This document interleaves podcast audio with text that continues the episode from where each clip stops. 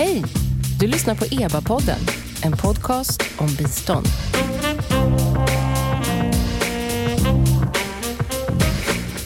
Välkomna till EBA-podden med mig, Noomi Östlund. Podden ges ut av Expertgruppen för biståndsanalys, EBA. Det är en statlig kommitté som utvärderar och analyserar Sveriges internationella bistånd. Idag ska vi prata om EU som utveckling, utvecklingspolitisk aktör och utvecklingspolitisk arena med fokus på Sveriges roll i Bryssel och hur man får inflytande vad gäller EUs bistånd. Jag vet inte om det går att i tillräcklig mån beskriva EUs betydelse för Sveriges bistånd och Sveriges utvecklingspolitik. Det är där en stor del av den utvecklingspolitiska agendan sätts och EU är inte bara en politisk aktör på den globala scenen och även en betydande partner för Sverige på landnivå. EU är ju också en av de enskilt största biståndsgivarna i absoluta termer. Med det här i åtanke blir frågan om Sveriges röst inom EU eh, inte är en av de mest avgörande för vår utvecklingspolitik. Och vi undrar såklart, hur fungerar det här egentligen? För närvarande innehar Sverige ordförandeskapet inom EU, en roll med en hel del prestige och kanske möjlighet till inflytande. Men hur mycket makt bär egentligen positionen med sig? Och hur får Sverige inflytande i vanliga fall? Det är frågor som vi ska ta oss an i dagens diskussion. Jag kan redan nu nämna att EBA nyligen publicerade en spännande rapport på ämnet. Så gör det redo för en förhoppningsvis upplysande och engagerande genomgång av Sveriges roll och inflytande i EUs biståndspolitik. Med mig i podden idag har jag på länk två gäster som är experter på inflytande och påverkan men med helt olika erfarenheter och profil ska vi nog säga. Välkommen först Magnus Lundgren, docent vid Göteborgs universitet. Tack så mycket. Du forskar främst på internationella organisationer, multilaterala förhandlingar. Det stämmer. Och har... är en av författarna till den här EBA-rapporten som vi ska prata lite om idag. Du är också någonting som spännande som låter Deputy Director vid Center for Multilateral Negotiations. Det låter väldigt flådigt. Vad, vad är det för något? Dess syfte är att samla in eh, erfarenheter och vad man säger på engelska best practices, alltså bra sätt att göra saker på inom multilaterala förhandlingar. Eh, vid din digitala sida, Thomas Tobé, välkommen till EBA-podden. Tack så mycket. Du har en lång erfarenhet från politiken, bland annat eh, nästan 15 år i Sveriges riksdag. Men nu är du EU-parlamentariker och kanske viktigast för vårt samtal idag ordförande i EU-parlamentets utvecklingsutskott som ansvarar för biståndsfrågorna i parlamentet. Om vi börjar med lite allmänbildning, vad är egentligen utskottets roll för oss som inte har stenkoll på EU-organiseringen? Vi arbetar ju mycket med eh, utvecklingspolitiken eh, och såklart. Och vår roll är, handlar ju om att eh, å ena sidan såklart eh, tillsammans med, eh, med rådet, det vill säga medlemsländerna, så slår vi till exempel eh, fast budgetpolitiken på det här området. Vi arbetar mycket med granskningen eh, av, eh, av politiken och sen tar vi också då politiska initiativ eh, till sånt som vi vill, vill se framåt. Där kommer vi komma in på också massor, framförallt det här med budgetbeslut för det är ju en, en av de sakerna som Magnus som medförfattare har kikat lite på. Men om vi, om vi börjar med, med e EUs roll i det här globala utvecklingssamarbetet och lite Sveriges möjlighet till inflytande. EU är ju som alla vet en, eh, en, många medlemsländer, Sverige är ett av de mindre. Eh, får man väl ändå ärligt säga. Eh, vad har vi för möjlighet att påverka egentligen ett land som Sverige? Eh, Magnus, det här är ju någonting som, som du har forskat på. Vad, allmänt sådär, hur får man inflytande i, i, inom EU?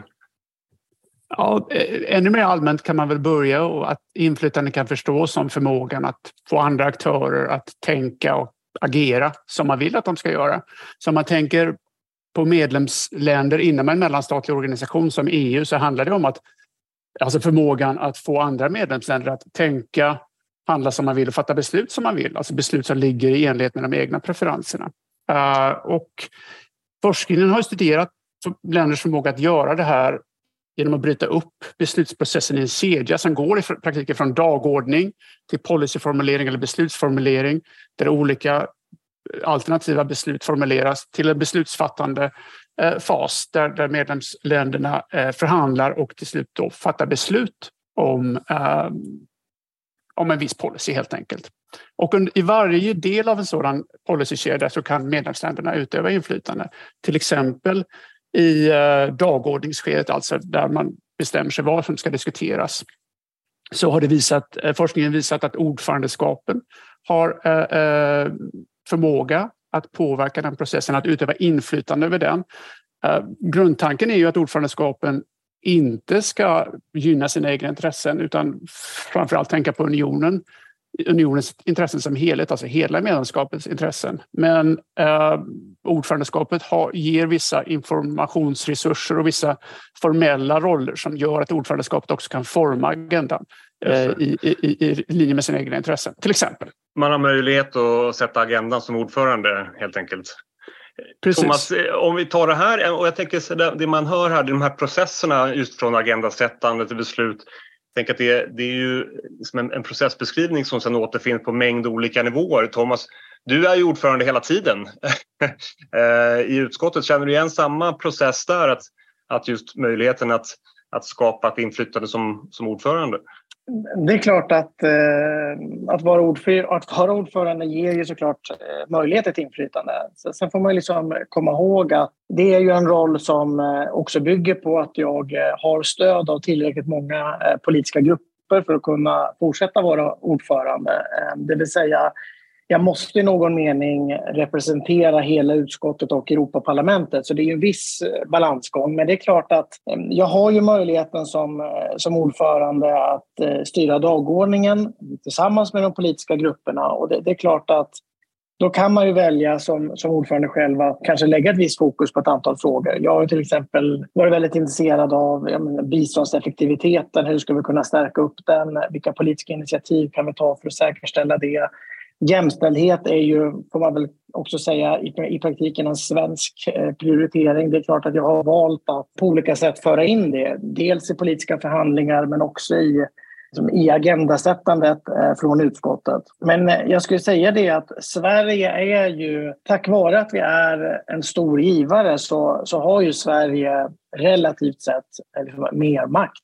Vi har mer makt i FN på det här området, vi har mer makt i EU på det här området relativt till att vi ändå är, så att säga, eh, vad, vad de nämnde i inledningen, att vi är ett litet land, eh, så, så, är vi ju ändå en, för att använda ett politiskt ord, en maktspelare eh, i det här sammanhanget. Så är det ju. Och hur mycket ser du som du, du representerar ju Moderaterna, du representerar Sverige. Hur, hur fungerar det här nu? Ser, ser just medlemsländernas inflytande? Hur ser ni EU-parlamentariker på er själva och er nationaliteter? Ja, men jag tror att de allra flesta Europaparlamentariker som är här, de är såklart drivna av sina liksom, politiska värderingar och, och har ju liksom, enskilda uppfattningar. Eh, och många jobbar ju för Sverige. Jag brukar ofta beskriva det som att nästan merparten av mitt jobb så upplever jag ju själv att jag, jag är här för att representera Sverige och utöva liksom, svenskt inflytande. Sen är det klart att när vi i Europaparlamentet landar ner i olika positioner och du innehar vissa roller som mig. Jag menar, I mitt fall som ordförande så, så, blir jag ju ofta kanske den personen som leder olika möten mellan parlamentet och, och mellan medlemsländerna. Och det, det är klart att då är min roll att värna Europaparlamentets liksom, integritet och, och våra uppfattningar och det som vi kommer ju överens om det som, eh, eh, det som är eh, vår linje och det, det är den jag driver med full kraft. Det kan, ibland, det kan ibland innebära att man har en annan uppfattning, kanske i den formella stunden till och med än, än vad ditt eget land driver i rådet. Sådana situationer kan ju uppstå. Det för oss lite in på den, den förhandlingen som, som Magnus och kollegor har tittat lite extra på eh, som vi ska borra lite i. För det var ju så att under 2021 så röstades en ny långtidsbudget för unionen igenom för perioden 2021 till 2027. Och en, en, faktiskt inte obetydlig del av den här budgeten eh, som, som nu kallas Global Europe i finansieringen av EUs egentligen bistånd utvecklingssamarbete eh, närmare 80 miljarder euro fram till 2027, alltså över 800 miljarder svenska kronor.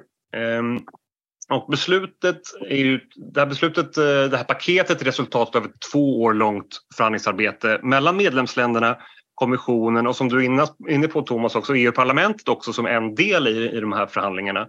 Och en förhandling som EBA har låtit studera i, i detalj. Magnus, du är en av författarna till den här rapporten. Vad, vad är det ni har tittat på? Hur har ni tagit er an det här? Uh, ja, man kan säga att vi hade ett tredelat syfte som vi fick från EBA och det var eh, för det första att kartlägga olika ståndpunkter eh, som medlemsländer hade i de här förhandlingarna. Eh, och det andra att kartlägga eh, graden av framgång som olika medlemsländer och andra aktörer hade i de här förhandlingarna. Och det tredje att identifiera källor till variation i framgång. Alltså vad var det faktorer som kan förklara varför en aktör var mer framgångsrik än en annan. Det var grundingången. Sen fick vi tillgång från UD, alltså Utrikesdepartementet, till väldigt rik dokumentation kring de här förhandlingarna. Framför allt Eh, väldigt specifika mötesrapporter från den rådsarbetsgrupp eh, som, där de mellanstatliga förhandlingarna hade skett. Så vi hade tillgång till exakt eh, det som hade skrivits då från eh, svenska delegater i Bryssel hem till Stockholm och tillbaka från Stockholm till Bryssel. Så vi kunde följa de här förhandlingarna på ett väldigt finmaskigt sätt och kunde på bas av det då kartlägga, samla in den här datan eh, som, som vi sedan baserade analyserna på. Just det, så för varje arbetsmöte när de olika medlemsländerna egentligen framförde sina positioner så kunde ni i efterhand följa med och se vem sa vad och när och vad förde de fram och, och hur ofta förde de fram en viss position och så där. Så att man, man fick en, en bild av förhandlingarna. Precis, och, och det är det som vår analys sen grundar sig i. En analys vad var det för positioner som intogs, när intogs de? Och sen hur förändrades de? Och hur jämför sig den de, de positionerna med utfallet i förhandlingarna. För vår analys, eh, där som fokuserar på graden av framgång, mäter i praktiken framgång med hur stor skillnaden är mellan eh, en aktörs utgångsposition, alltså vad vill de ha, vad vill Sverige ha, vad vill eh, Belgien ha och så vidare. Och vad förhandlingarna landade i slutet. Är det stort avstånd så antar man att de inte varit så framgångsrika för då har förhandlingen, det kollektiva utfallet ligger långt ifrån det som en enskild aktör ville ha man fick inte det man ville helt enkelt. Precis, man fick inte det man ville. Och, och eh, om man säger så, vad, vad, och vad kom ni fram till? Om vi börjar med, med, eh, med förhandlingarna. Vad, vad, vad, vad är det för bild ni har fått från eh, de här mötesprotokollen? Vi har fått en, en rik bild. Vi pekar i rapporten på fyra huvudsakliga resultat, huvud, fyra huvudsakliga intryck. Det första rör aktivitet, alltså i vilken grad olika medlemsländer i första hand att vara aktiva eller passiva i de här förhandlingarna. Och det finns ganska tydlig variation där. Vissa länder var betydligt mer aktiva än andra, alltså de yttrade sig mer ofta snabbare och, eh, och, mer omfattande än andra länder som var mer passiva. Bland de mer eh, aktiva länderna eh, så hittar vi många av de länder som, som är mer aktiva även på biståndsområdet, som Sverige, alltså länder som ger en större andel av sin bruttonationalinkomst i bistånd, alltså en större del av sin pengapung i, i, i, i bistånd än andra länder. Medan länder i Östeuropa och en del andra nyare medlemsstater EU-medlemsstater var mindre aktiva. Det var det första findingen, första resultatet. Eh, sen det andra rörde hur ehm, staternas eller medlemsländernas olika positioner och ståndpunkter fördelade sig. Vi studerade 55 olika frågor så det är väldigt nyanserad bild av de här förhandlingarna. Men vi bryter också ner Vi ska gå igenom alla 55 här i detalj tänker jag. det jag hoppas jag alla lyssnare har satt sig ner ordentligt för det, vi har ett par timmar här fram, framför oss.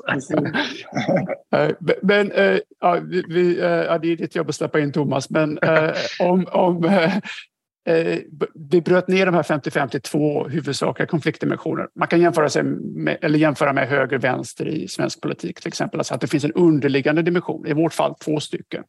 En fördelningsdimension som i praktiken handlar om frågor, vart ska fokus ligga på, på de minst utvecklade länderna och fattigdomsbekämpning eller ska det snarare ligga, ligga på medelinkomstländer, alltså att hjälpa dem? Och en annan värderingsdimension där eh, man såg att medlemsländerna intog olika ståndpunkter i frågor som rörde jämställdhet, migration och klimatförändringar.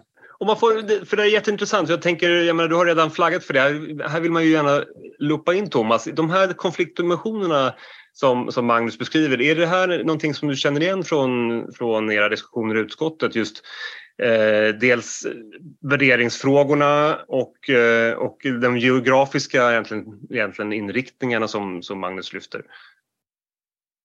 Ja, alltså, och, många fler skulle jag säga. Eh, nej men alltså det är, eh, definitivt finns ju den här geografi. Där kan man nog säga så här att politiskt så är, så är nog, eh, där har nog liksom Europaparlamentet legat nära länder som Sverige, det vill säga starkt fokus på länder på utvecklingsländer och inte kanske så jättemycket eh, fokus på medelinkomstländer. Men där kan du ju se en ganska tydlig koppling. Det är, inte ovanligt att till exempel sydeuropeer vill lägga stort fokus på medelinkomstländer för det betyder Latinamerika, vilket är en hög prioritet för dem. Så den dimensionen finns ju där. Eh, det här med aktiviteten håller jag ju med Magnus helt och hållet om, det vill säga de som är aktiva, de som lägger förslag, de som bygger koalitioner. Det är ju så du eh, skaffar dig inflytande eh, till syvende, eh, till syvende och sist. Men jag skulle nog säga att i de här förhandlingarna som, som pågick, nu är det såklart att nu, nu har den här rapporten fokuserat på protokollen, det vill säga de officiella mötena. Sen är det såklart att vid sådana här förhandlingar så, så fungerar det ju på det sättet att man har det officiella förhandlingsmötet och konstaterar att du inte kommer överens ehm, och då bryter du upp och sen går du in i ett annat rum eh, med något färre personer. Och där och då händer ju eh, många saker för att du sen ska kunna gå tillbaka till det officiella mötet. Och en stor konflikt där, och den pågår nog nu fortfarande, det är ju den här, om jag får förenkla lite grann, liksom, ska utvecklingspolitiken liksom, enkom vara fokuserad på liksom, fattigdomsbekämpning? Eh, eller ska andra politiska mål också är upp på bordet? Det vill säga klimatfrågan, eh, migrationsfrågan, eh, vår syn på mänskliga rättigheter, eh, geopolitiska konkurrensen. Och här får man väl säga att här, den, det är ju en pågående liksom, diskussion, skulle man kunna säga. Och det här har väl gjort att å ena sidan så har biståndspolitiken nu blivit politiskt mycket, mycket mer prioriterad och intressant eftersom andra politikområden tränger sig in i biståndspolitiken.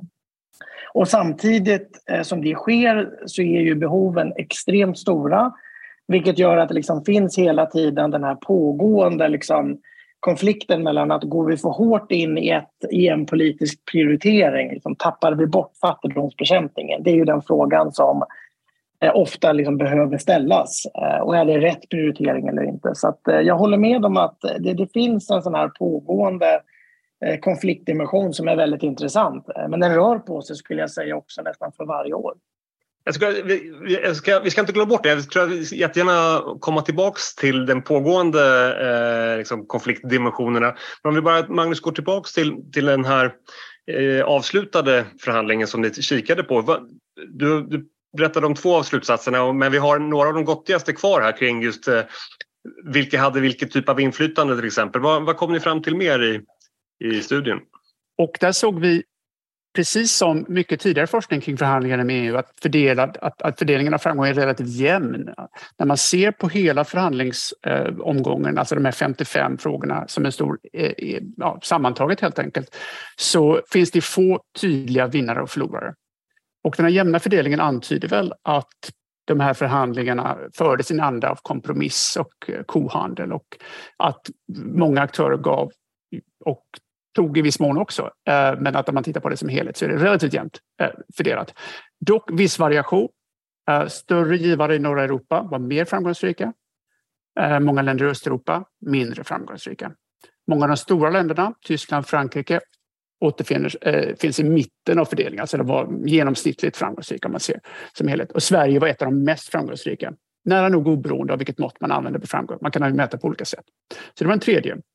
Sen så studerar vi då i den fjärde slutsatsen vilka källor, alltså vilka faktorer som kan förklara den variation som ändå fanns mellan olika medlemsländer. Var, varför hade man inflytande? Precis, vad är det som ger inflytande? Och den analysen leder till ett par eh, underslutsatser.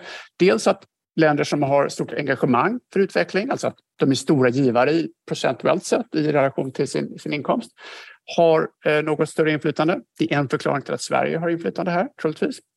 Eh, en annan faktor är aktivitet vid förhandlingsbordet. Så att, som jag nämnde tidigare så var det variation hur aktiva eh, olika aktörer var vid förhandlingsbordet. De som var mest aktiva, som yttrade sig ofta, Eh, var också mer framgångsrika. Det var större, en större sannolikhet att de fick det de ville. Eh, sen för det tredje, de länder som innehade ordförandeskapet lyckades också få något högre eh, förhandlingsframgång. Dock så hittar vi ingenting som tyder på att större länder, alltså länder med större ekonomisk styrka eller fler röster i rådet, hade större framgång. Thomas, vad, vad har du för reflektioner när du hör om, om eh, det här, de här slutsatserna? Eh, liksom, det stora här, och det, det kan jag väl säga, den stora förändringen som gjordes då med eh, det som kallas för Global Europe, eh, eh biståndsverktyget, det var ju att vi valde här att ge rätt mycket makt till kommissionen, det vill säga vi ger dem ganska stor flexibilitet kring hur man ska arbeta med detta. Och det är en ganska stor sak att göra både från medlemsländerna som såklart eh, vill ha stort inflytande men också från Europaparlamentet. Och det var väl det som, eh, så i någon mening så här, kommissionen var nog liksom allra gladast skulle jag nog säga när de här förhandlingarna var klara för de kände att nu fick de grönt ljus på det de ville göra. Politiskt valde vi att, eh, att stödja detta men det är klart att eh, i de här förhandlingarna så fanns ett antal saker som var, som var viktiga för Europaparlamentet eh, och det fanns ett antal andra saker som var viktiga för rådet och där får ju där blir det ju en ren kohandel. Alltså till slut lär det ju ställa frågan vad är det som är helt avgörande för rådet att få med och få en förståelse för det. Um, och detsamma sak gäller Europaparlamentet. Jag, jag kanske är i förhandlingsrummet är jag skyldig att säga att de här sex sakerna är helt avgörande för oss. Egentligen är det bara två som är det. Eh, och det är ju sånt som du liksom kanske kan lösa ut i, i, i mindre format eh, för att förstå varandra bättre ibland. Det där är ju otroligt spännande och det är något som, som vi också pratat om under vägen Magnus. Just vad, vad har gjorts vid sidan om? Vi har också pratat om det här och det, det, nämnde jag i inledningen här att det här är ju en del av hela den stora budgeten. Så frågan också som, som inte gick att besvara här det är ju hur mycket, hur mycket förhandlar man över de olika områdena? Eh, jag vet inte Thomas om du har några reflektioner kring det? det säga, av, av, av de positioner som man har i en förhandling om, om Global Europe, hur mycket påverkas det av att medlemsländerna eller parlamentet gör liksom positionsförändring inom andra områden? Jo, men alltså, låt mig ta en fråga som eh, liksom är politiskt eh, känslig eh, och, men som ju liksom är en fråga som har kommit upp väldigt mycket på agendan och det är ju migrationsfrågan. Ett sätt att lösa migrationsfrågan, för där kan man väl säga att parlamentet vill ju inte att liksom hela biståndspolitiken ska handla om eh, migrationsfrågan. Eh, men vi inser att Eh, den har en roll att spela. Det gick då att liksom hitta en politisk eh, liksom, konsensus kring trots att det är liksom en väldigt konfliktfylld fråga. Och då löste vi ut den genom att till exempel då bestämma oss för att okej, okay, 10 eh, av medlen kan ni få använda för liksom migrationssamarbete. Och sen insåg vi att på det sätt som det kommer att utföras och hur EU kommer att arbeta med migrationspolitiken, det kommer vi förhandla liksom separat och det kommer att utvecklas framöver. Men det var väl liksom ett sätt för oss att, att lösa den här frågan där och då. Um, för då kanske du på ena sidan hade de som sa vi måste ställa väldigt tydliga krav på inte en krona biståndsmedel om du inte samarbetar med oss i migrationspolitiken. Andra som sa vi borde inte göra den kopplingen överhuvudtaget. Och då försöker man liksom hitta en, en kompromiss som höger till vänster kan leva med men som också Europaparlamentet och rådet som institutioner eh, kan leva med, som ett exempel. Och jag tänker en sak som är spännande just när, när det börjar knytas in andra och den här mixen som du varit inne också på förut Tomas, med mixen av olika politiska frågor.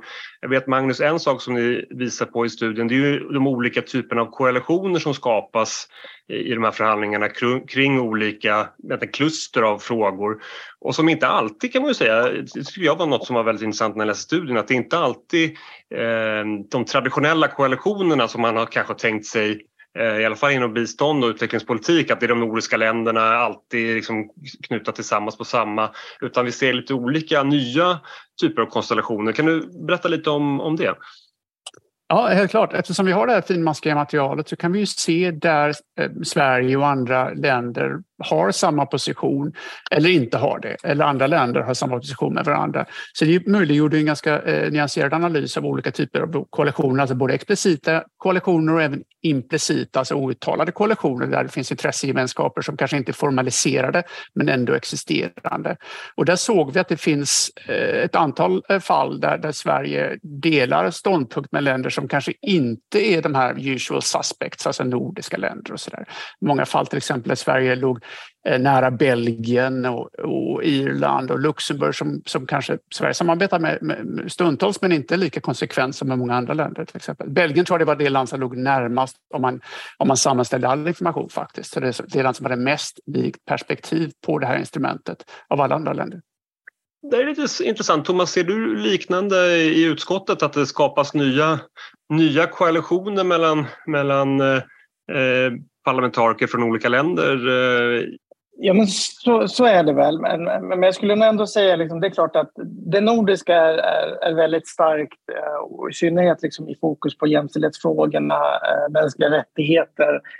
Det, får man ändå säga ehm, har en särskild nordisk liksom, prägel. Det är inte som att vi möter jättemycket motstånd men man kan ju märka så att säga, hur mycket initiativ som tas. Eh, jag menar, vi har en kommissionär just nu som heter Jutta Urpilainen. Eh, hon är finsk socialdemokrat. Ehm, hon har också jämställdhet som en rätt tydlig prioritet. Det är klart att det är det, det skapar möjligheter. Med den, liksom, nu råkar jag vara moderat och inte socialdemokrat, men jag är, svensk. Eh, och det är klart att, eh, att ha en svensk moderat och en finsk socialdemokrat i det här läget, det är klart att det skapar en bra koalition eh, för att driva fram jämställdhetsfrågorna. Och det, det skäms vi inte för heller, utan så arbetar vi ju. Ehm, sen kan du i och för sig då se i klimatfrågan, där finns det många olika liksom, koalitioner. Sverige är ju alltid i någon mening i framkant där ehm, eh, och driver på. Eh, men där finns ju...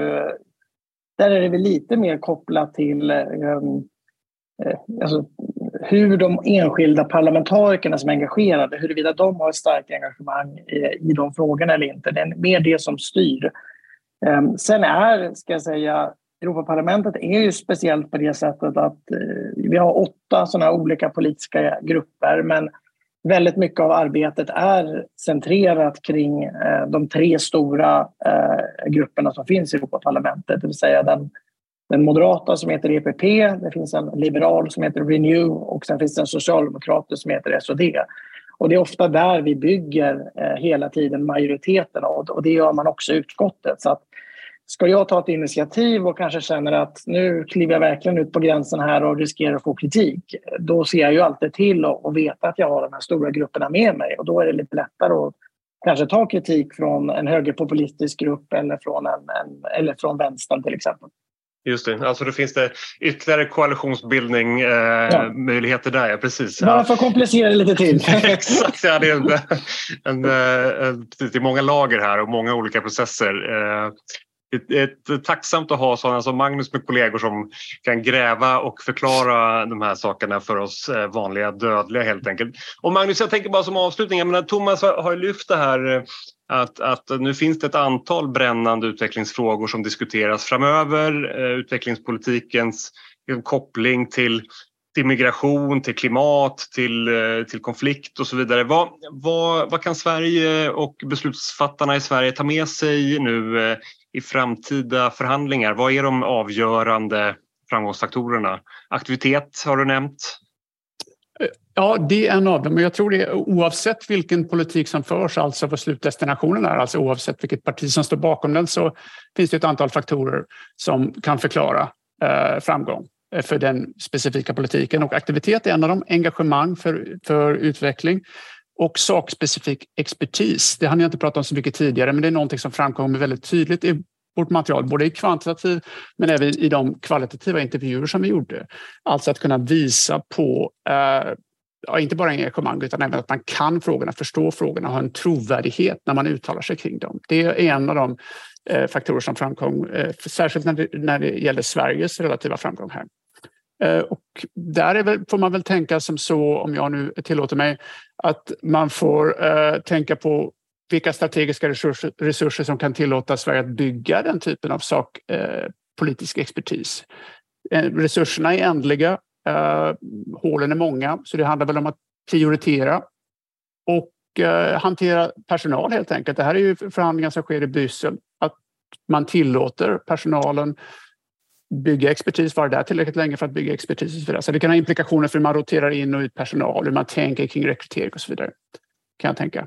Just vad gäller just den framgångsfaktorn. Precis, kompetensintensivt helt enkelt. Eh, och det mm. tänker jag det speglar också det som men det är faktiskt som, som vi varit inne på att, att de länderna som är stora biståndsgivare som också satsar såklart på bistånd har en egen kompetens och kan använda den i förhandlingarna och får därmed mer inflytande. Eh, vilket ju är naturligt men då ser man ju också värde i den investeringen som det innebär att vara eh, liksom väldigt aktiv inom, inom biståndet. Eh, Thomas, eh, hur ser du några slutord kring, kring svenskt inflytande framöver och de viktiga, viktiga frågorna?